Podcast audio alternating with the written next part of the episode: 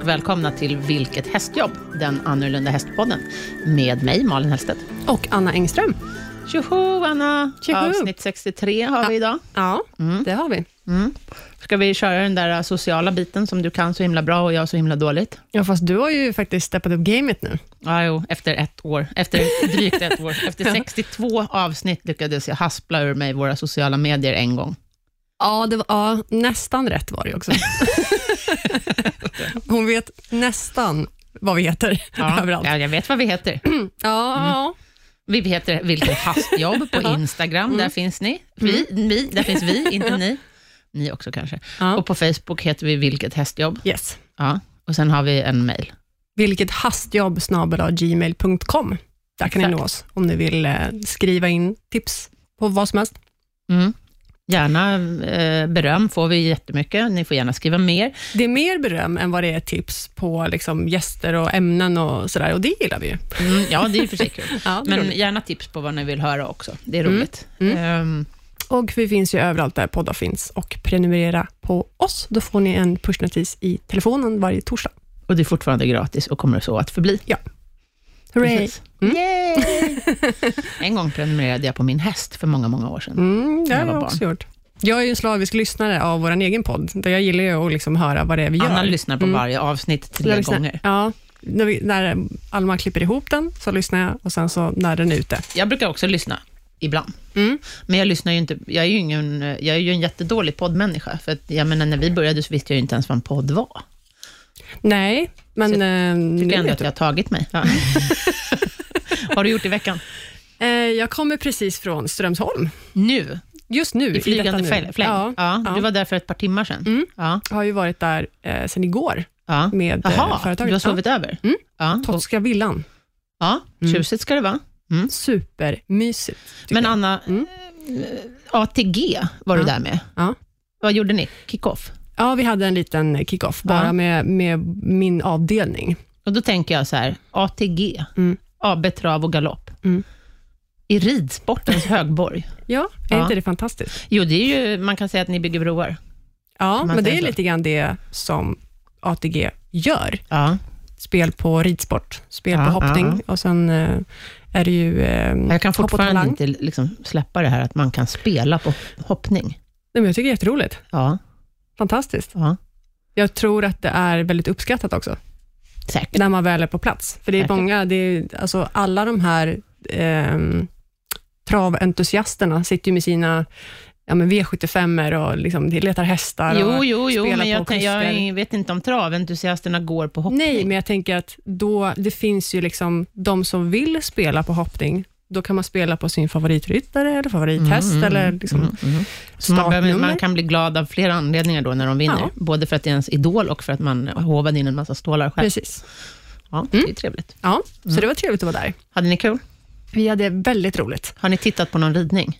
Eh, det har vi också gjort. Ja. Eh, vi var, men vi var först ute på Sundbyholms travskola och då fick alla som inte Okej, hade kört ja. häst, fick köra häst i en dubbelsulky. Det var Mhm. väldigt roligt. En dubbelsulky, är det Mm. typ som en rockar då?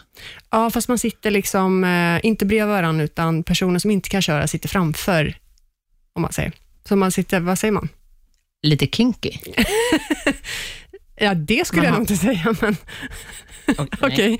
Det, det, det du. Men mera tandem. Den andra sitter bakom. Ja, exakt. Ja. Mm. Mm. Och sen så var vi ute hos mig.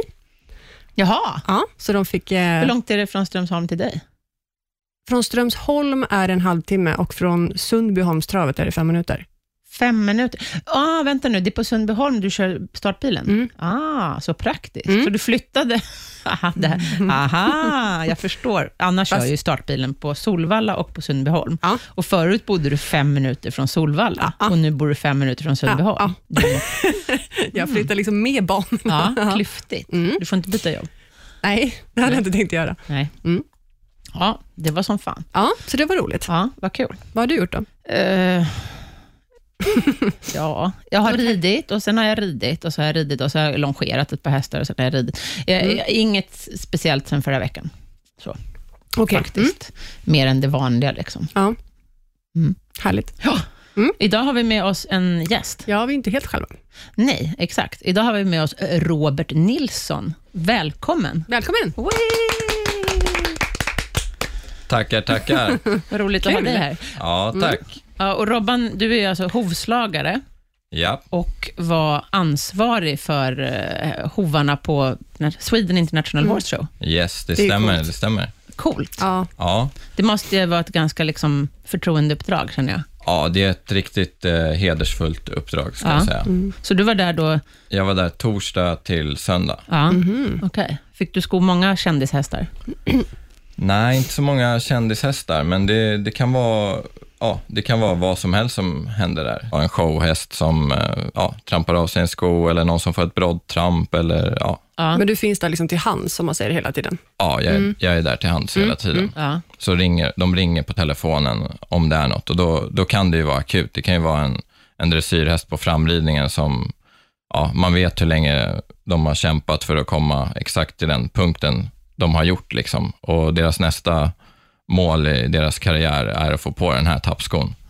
Så då, då är det mycket adrenalin och Då är det kämpigt. då, Ja. Och då kan det vara riktiga kändishästar, antar jag. ja, antar jag. ja, Men har de annars, du sa att du inte så mycket, kanske topphästarna, har, då har de med sig egna hovslagare annars? nej, Nej, Nej. utan det är du som gör om det Mm. är något som händer. ja, exakt, exakt. Ja. Vilket förtroende.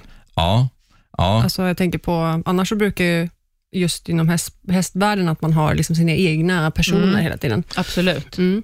Nej, det, är, det är riktigt kul. Mm. Och sen få uppleva allt, eh, ja, se allt och komma in överallt. Liksom. Det, det är riktigt Mm. häftigt tycker jag. Mm. Mm. Coolt. Men du bodde inte där? Du var inte tvungen att vara där liksom 24-7? Nej, nej.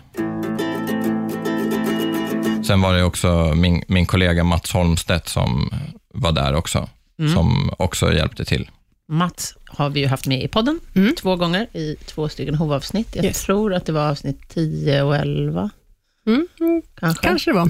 Ja, Mats är ju också ordförande i Hovslagarförbundet. Ja, det stämmer. Det stämmer. Ja. I Svenska Hovslagarföreningen. Oh, förlåt. Mm, så det vara. Ja. Så han är en riktig dignitet. Ja, det är han. Det är han. Sen han, han, han rider ju i showen och, och i alla prisutdelningar, så han är ofta finklädd. Ja, precis. Han är ju Och- med i hö- beridna högvaktens trupp. Ja, ex- ja, exakt. Så då behövs det någon som Har inte... skitiga kläder. Ja, exakt. Var inte du som skulle peta på hans sko någon gång? och Du tyckte det var så högblank och han jo. skrek rakt ut. Ja, Ja. jag var jättefascinerad av att hans stövel Wow. var så väldigt blank, så jag, jag var på precis på väg att sätta handen på den och känna och bara vad blank den är. Och då nästan så slog han undan min hand och bara, nej, rör inte! Det blir fettfläckar! Ja, ja, det, ja det, det är samma Mats. Ja, Mm. ja. Jag har väldigt stor respekt för honom. Ja. Väldigt trevlig människa. En kort presentation av dig då. Ja, eh, ja, jag är 31 år gammal och eh, jag arbetar som eh, hovslagare. Så På jag är, heltid. Ja, jag är heltid. Jag, jag driver ett eget företag som de flesta hovslagarna gör och så åker man runt mellan stallen och jag jobbar ja, i norra Stockholm. Jag. Okej. och ja, åker runt och skor eh, främst, ja, det, det, är mycket, ja, det är mycket ryttare som har höga ambitioner och ja, de, mycket tävlings, tävlingsryttare. Du är lite het har jag förstått, Ja, som hovslagare. Är du inte det? ja, kanske. Ja, du har ganska mycket bra eh, ekipage om man säger så. Ja, jag, jag har mycket bra kunder. Jag, Det är bara ridhästar, eller?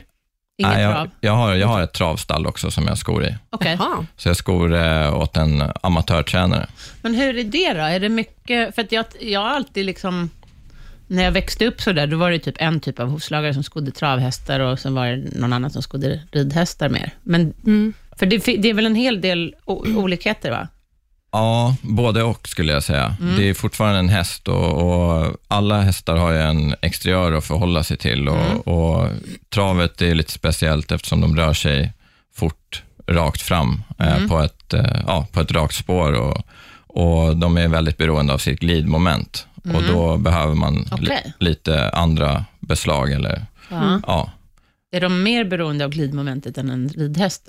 ja, jag skulle säga att det är det som skiljer väldigt mycket åt. Eh, om man tänker på hopp och dressyrhästar så, av, så har man eh, utvecklat ett underlag som, som eh, främjar fäste. Mm. Eh, och eh, på travet så vill man främja ett glidmoment. Okej.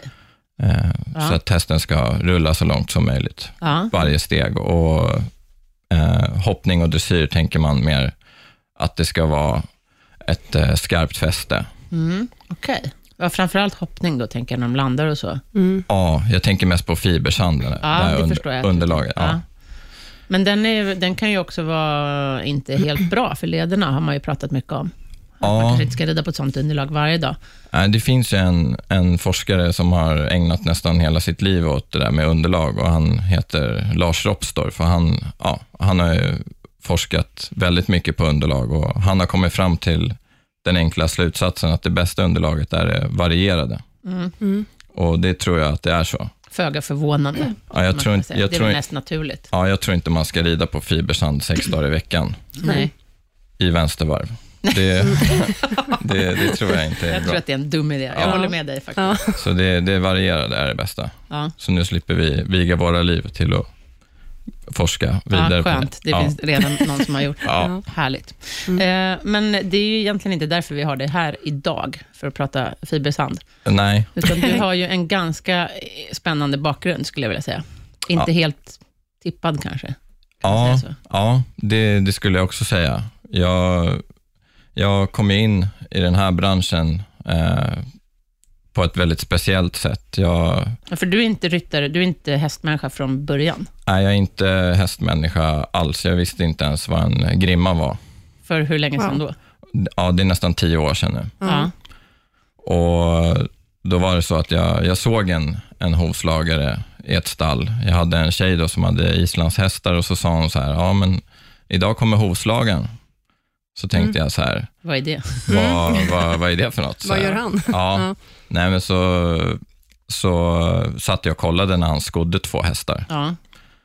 Och så, ja, så fick jag en så kallad feeling som jag får ibland och Mm. har lite svårt med impulskontrollen. Och så, här. så jag kände så här att, eh, att det är det där jag ska göra, så tänkte jag. Resten av ditt liv? Ja, men jag fick eh, bra Wow. feeling. Liksom. Jag, Ja. fastnade, jag tror jag fastnade mest för hantverket från början. Ja. Mm. Eh, och, ja, jag jobbade som, som kock då, gjorde jag. Mm. Eh, så jag har även en, en eh, ja, jag gick gymnasiet, hotell och restaurang och Mm. utbi- utbildad kock. Jag var ju trött på den livsstilen Mm. Mm. och jobba i kök och, och sådär. Så eh, ja, jag ville väl ha någon slags förändring eh, i mig själv Mm. eh, som jag inte riktigt visste om. Nej. Eh, men ja, det fastnade i mig när jag såg den här hovslagaren sko Mm. två hästar. Mm. Vad coolt. Men om vi backar ännu mer då. Eh, Hur gammal var du här, när det här skedde? Ja, jag var tj- 21 år gammal. Jag är 31 år idag.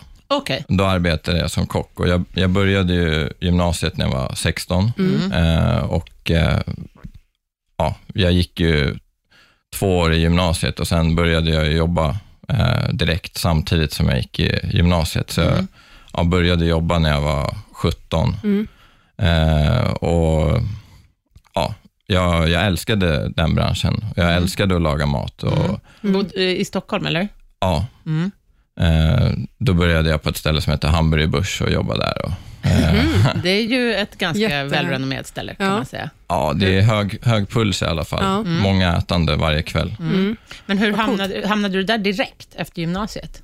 Ja, Wow. Det är en ganska schysst Ja. första arbetsplats. ja, ja det, det var riktigt kul. Jag, jag har mycket bra minnen från, från köket där. Har jag. Mm. Mm. Eh, Och ganska bra mat, tänker jag mig. Ja, ja det, man, man gör ju det man kan med så många ätande gäster. Det är Mm. 650 ätande varje kväll Oj, jösses. mycket. och alla ska kolla på, på någon show som de Ja. kör där. Så Mm, mm, Då ska maten ut rätt fort. Ja. mm, Så det är långa prepptider och, och så. Mm. mm.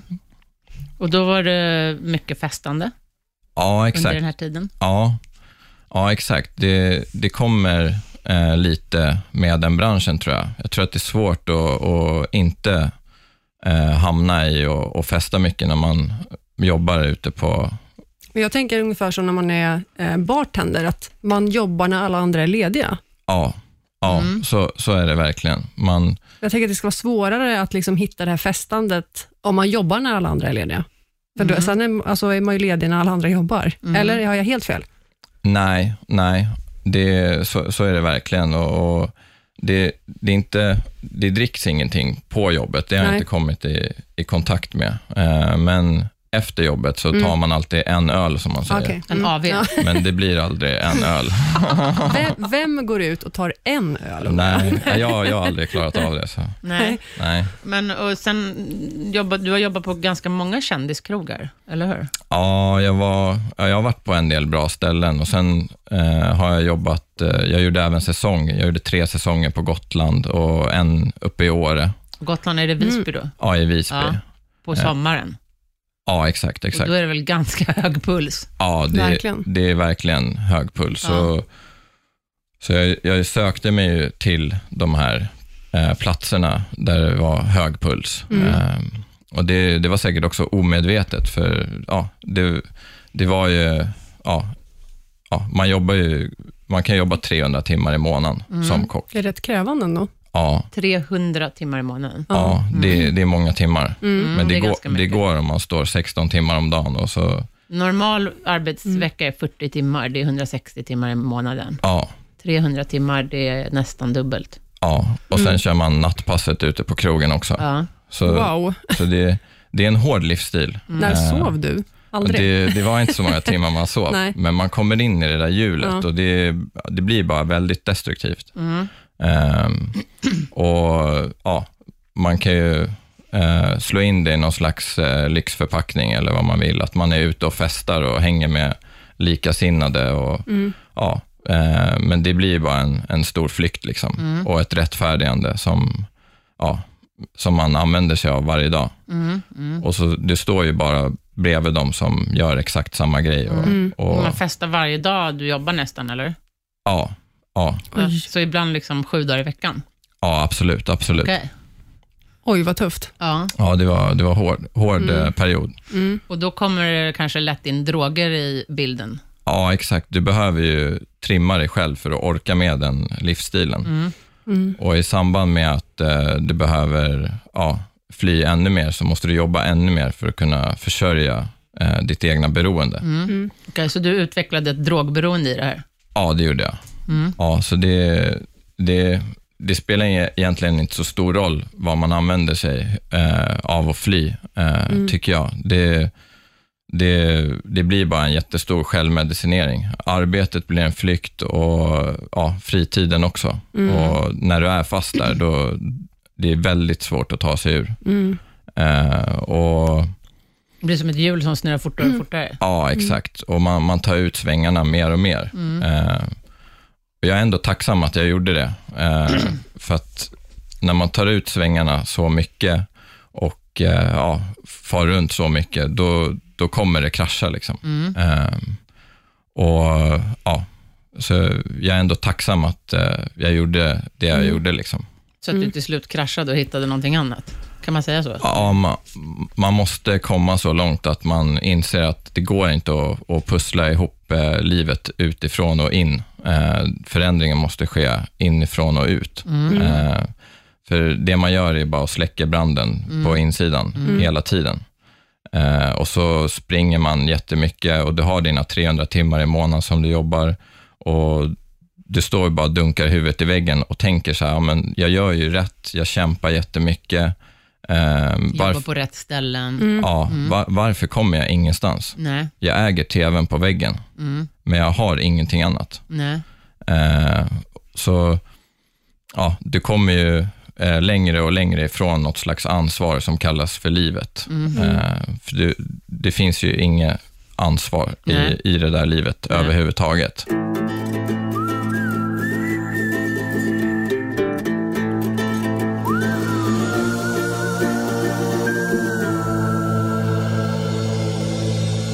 Hur mådde du under den här perioden? Ja, jag, trodde, jag trodde att jag mådde bra. Mm. Jag, jag har haft eh, kul. Alltså. Vi, vi har, jag har haft bra...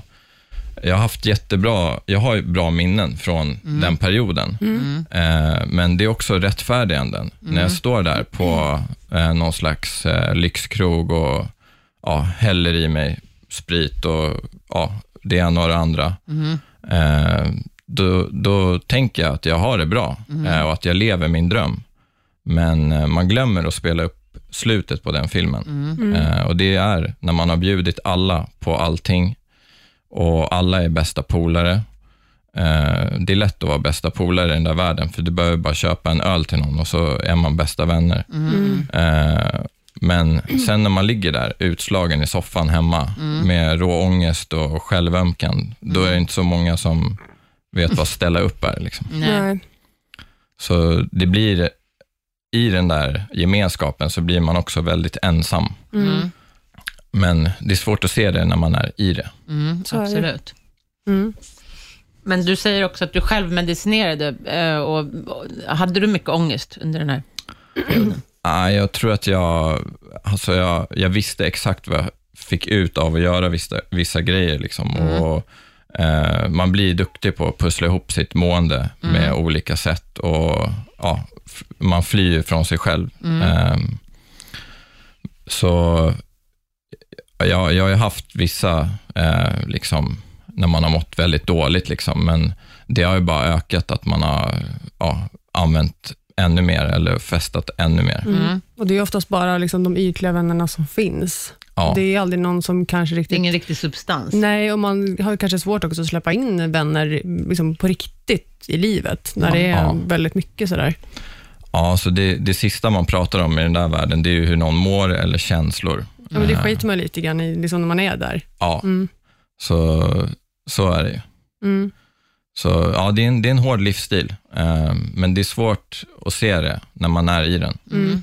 Jag, jag minns ju stunder av, av när jag var ensam där och jag, det är väldigt mycket tomhet. Och, eh, alltså det, det finns ett slags tomrum i, i en som eh, ja, det är svårt att fylla det hur mycket du än försöker och, och leta efter lyckan eh, ja, utifrån. Liksom. Eh, så när man, när man hamnar själv och blir själv, då det blir bara tomt och mörkt och en, en sörja. Liksom. Mm. Mm. Så, ja. ja. Det är svårt att beskriva Ja, exakt hur det känns, ja. men, men, eh, Mm. men eh, ja, det, Hade du svårt för att vara ensam? ja det, det skulle jag säga. Mm. Ehm, men jag behövde ju nästan aldrig vara ensam, för jag var ju på jobbet Mm. 300 timmar i månaden. Mm. Eh, så Men Hur många år liksom, yttrade sig det här? Liksom? ja, det, det började ju när jag... Är jag det direkt från skolan? Nej, nej jag, jag började eh, festa Mm. sent. Mm. Eh, Du var ingen partyprisse när du gick i skolan? Plugget? Nej, Nej. nej jag, dra- jag drack inte eller rökte eller någonting sådär tidigt. Jag, det var ju vissa som, som gjorde det, utan Mm. för mig började det sent. När jag var sent 17 år, Mm. då, började, då började jag dricka. Ehm, och det eskalerade ju rätt fort, liksom. Mm. för då, då kände jag att jag hade lösningen på alla problem. Liksom. Mm. Det brukar ofta kännas så, att man har lösningen på alla problem när man dricker. Mm. Ja, så är det. Mm. Så är det. Så är det ju inte. Nej, men det känns så. det, Ja. nej. exakt. Jag förstår. Nej, Ja. men det, det blir bara en stor flykt och du jobbar mot eh, ditt belöningssystem hela tiden i hjärnan. Och jag har ju också alltid rättfärdigat mitt använd, användande med att jag har ett jobb som fungerar. För jag har alltid varit eh, väldigt så eftertraktad som eh, kock när jag jobbade i kök. För jag kunde jobba så här mycket och jag sökte mig till hög puls. Och, och då, då växer ju också belöningssystemet. Att eh, du, ska, du ska belöna dig själv med att ha ihjäl dig själv. Mm. Eh, och Det är också ett vanligt beteende som jag ser överallt, eh, som jag tror många kan känna identifikation i. Att när du har varit duktig så ska du belöna dig själv med någonting som är destruktivt. Det kan vara ett glas vin, eller det kan vara godis som du har tränat, eller det kan vara... Okej, då- så det finns ju olika grader av destruktivitet. Alltså godis är ju inte så destruktivt. Nej, men... Om man jämför med Nej. eh, sen ett glas vin nästa steg och sen liksom kan man ta droger som... Nej, det, det, det är på en helt annan nivå, helt Exakt. klart. Men, men ehm, eh, en sån person som mig, som har ett väldigt starkt beroende i mig, måste ju vara vaksam på Hur menar du med starkt beroende? Är du lätt, blir du lätt eh, fast? Ja, det, det, det finns liksom inget stopp om jag väl börjar festa. Okej. Eh, och, ehm, Så du slutar inte dricka efter tre öl och tar varannan vatten, utan du kör Nej. tills du kör in i väggen? Ja, exakt. Mm. Okej. exakt. Mm. Eh, så, Och var det likadant med drogerna? ja, ja exakt. Ja, det, det, var, det var likadant var det. Mm, mm. Det låter inte helt sunt. Det är inte helt sunt.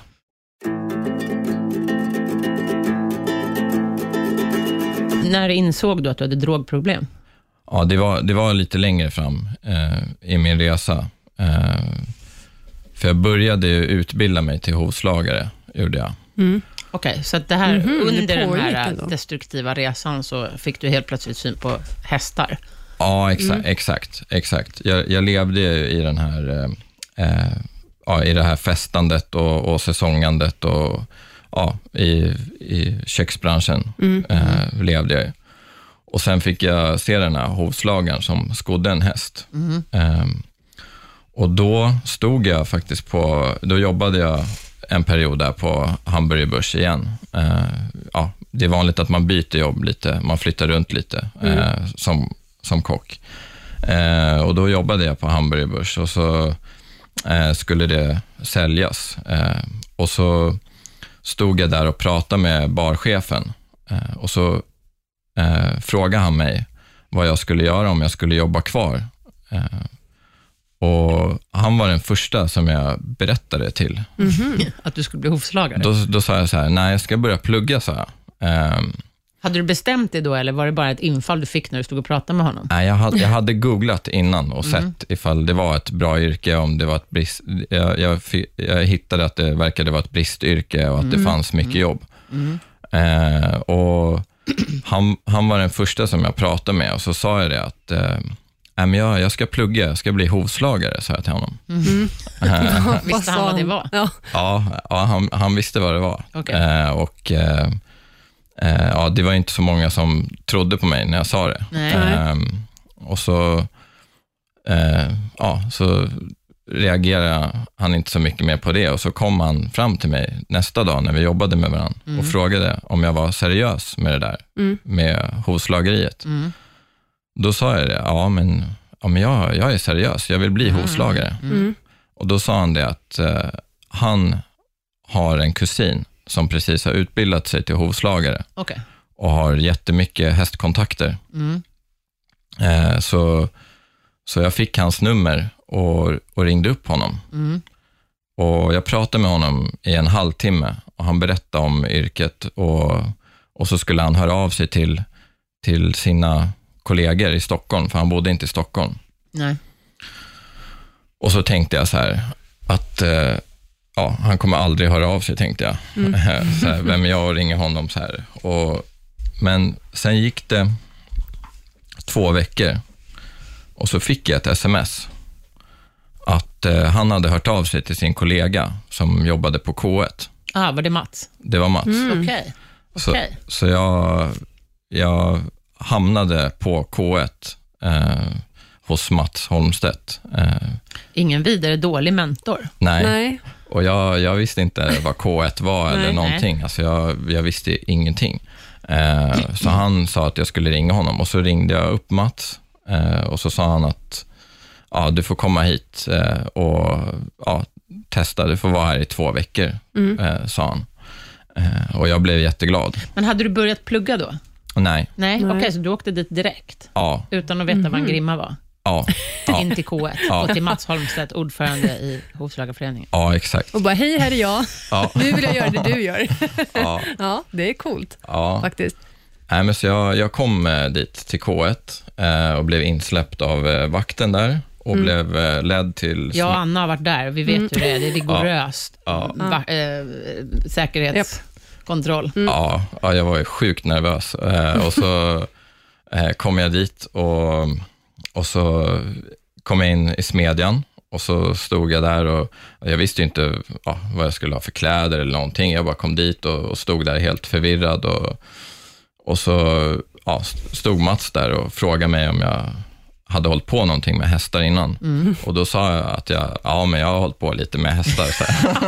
Du blåljög Mats Holmstedt Ja, rakt man, upp i jag nuet. vill inte verka helt oerfaren. Liksom. Eh, och så eh, sa han så här, ja men ja, jättebra. Eh, här får du en grimma.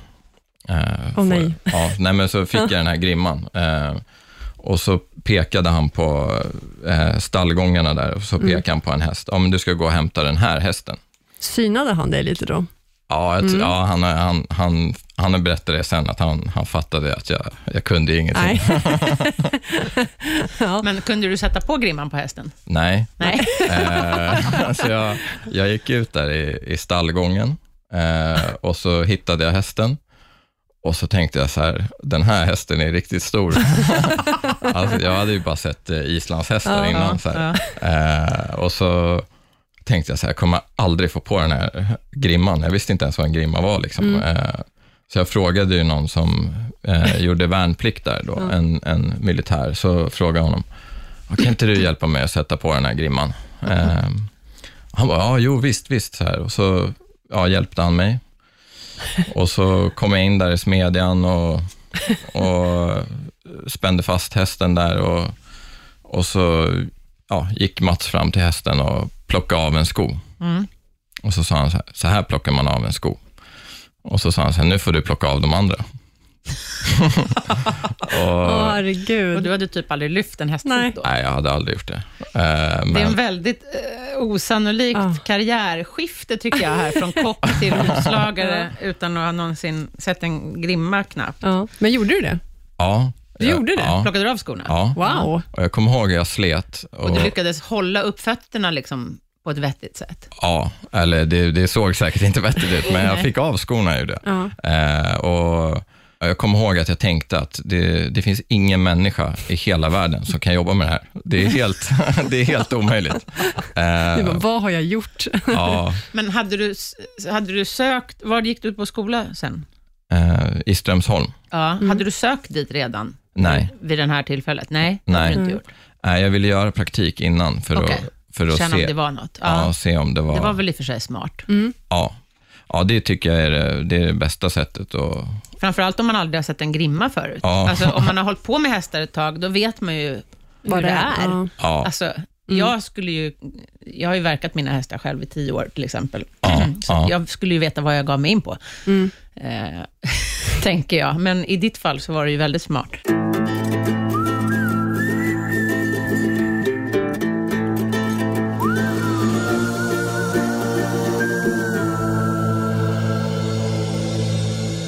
Jag slet ju av skorna där och sen, sen det var ju bara att köra direkt. Liksom. Det, var inget, eh, det var ingen broms där. Eh, och jag var ju ett blankt papper, för jag, jag kunde ju ingenting. Jag hade inga, eh, ja, inga förutfattade meningar eller någonting. Så Nej, Jag- Det ju- finns ju för och nackdelar med det. Mm. ja, ja, exakt. Så ja, jag hade ju jättetur också och hamnade hos eh, någon som eh, ville lära mig och var Mm. väldigt noggrann. Och, och ja, det, det är han som har gett mig det yrkesmässiga handlaget som jag har idag. Mm. Eh, Jag känner ju en hel del hovslagare och de är jättetrevliga allihopa, men jag vet inte hur många som hade... Alltså, jag tycker ändå det är en jävla stor eloge till Mats. Ja, Ja. Som- verkligen. Ändå en, en dignitet, får man ju ändå säga. ja, Och som tar, tar sig an dig, Ja. ja, trots att du inte ens visste vad en grimma var. Nej. ja. Nej, men han, han sa det att han såg någonting i mig och jag, jag Ja. kände det också när jag kom dit att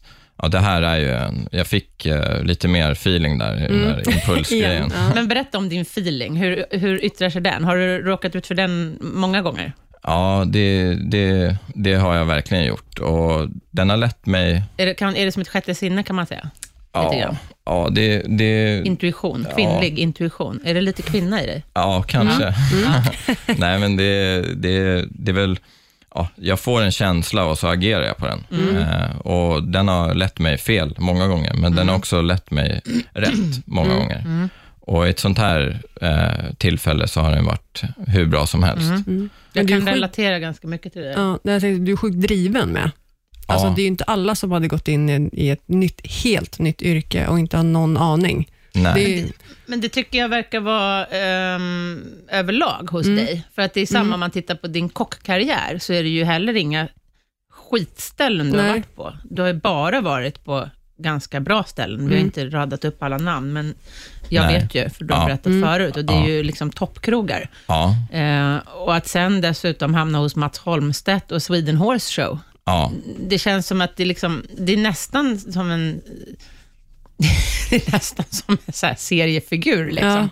Ja. Forrest Gump. ja, ja, men det, det, ja, jag vet inte vad jag ska säga, men det, det är någonting som jag har i Nå- mig. Någonting Som, drar dig till bra ställen och bra, ja. alltså, bra människor, även om den drar dig till dåliga saker också, ja, exakt. uppenbarligen. Och, och, ja, man måste bränna sig på plattan lite för att förstå att den är varm Mm. ibland. Och, och släppa taget om att man inser att, att det här håller på att ha ihjäl mig. Mm. Eh, även fast känslan kan vara att det är rätt. Mm. Det kan också vara att det är för mycket arbete eller det kan vara vad som helst. När, och sen var du hos, på praktik hos honom då i två veckor, eller något. Ja, jag, jag, han, ja han, han kände väl att han visste inte vem jag var, Nej. så jag, jag fick ju vara där först två veckor, men ja, jag blev ju kvar där.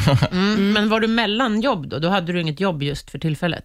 Nej, då, då när jag Eller var... kockade du samtidigt? Ja, exakt. Jag, jag var hos Mats då på, på morgnarna var jag. Ja, Jag gick dit på morgonen och så skodde jag två hästar till lunch och sen så gick jag och jobbade, eh, körde kvällspass i ja, lite olika kök. Eh, Så jag hade ju ja, kockyrket kvar. Hade Okej. jag. Eh, Gick du ut och festade efter kockyrket också? ja, ibland. Ja. Du fortsatte med din hårda livsstil här ett tag? Ja, exa exakt. Eh, den, den hängde med. För eh, ja, det blev inte en total förändring eh, då heller. Nej. Blev det inte. Nej. Men du, det här känns som en värsta cliffhangern. Det börjar, Vi har hållit på här ganska länge och poddat nu. Vi, vi måste tyvärr avbryta och vi får fortsätta nästa vecka med din historia. Ja, Jag tycker det är asspännande. Ja, jätteintressant. Ja, känns det okej? ja det, det blir helt fantastiskt. Ja. Då Härligt. får vi tacka alla för idag. Tack för idag. Hörs vi hörs nästa, vecka. Hej. Hej.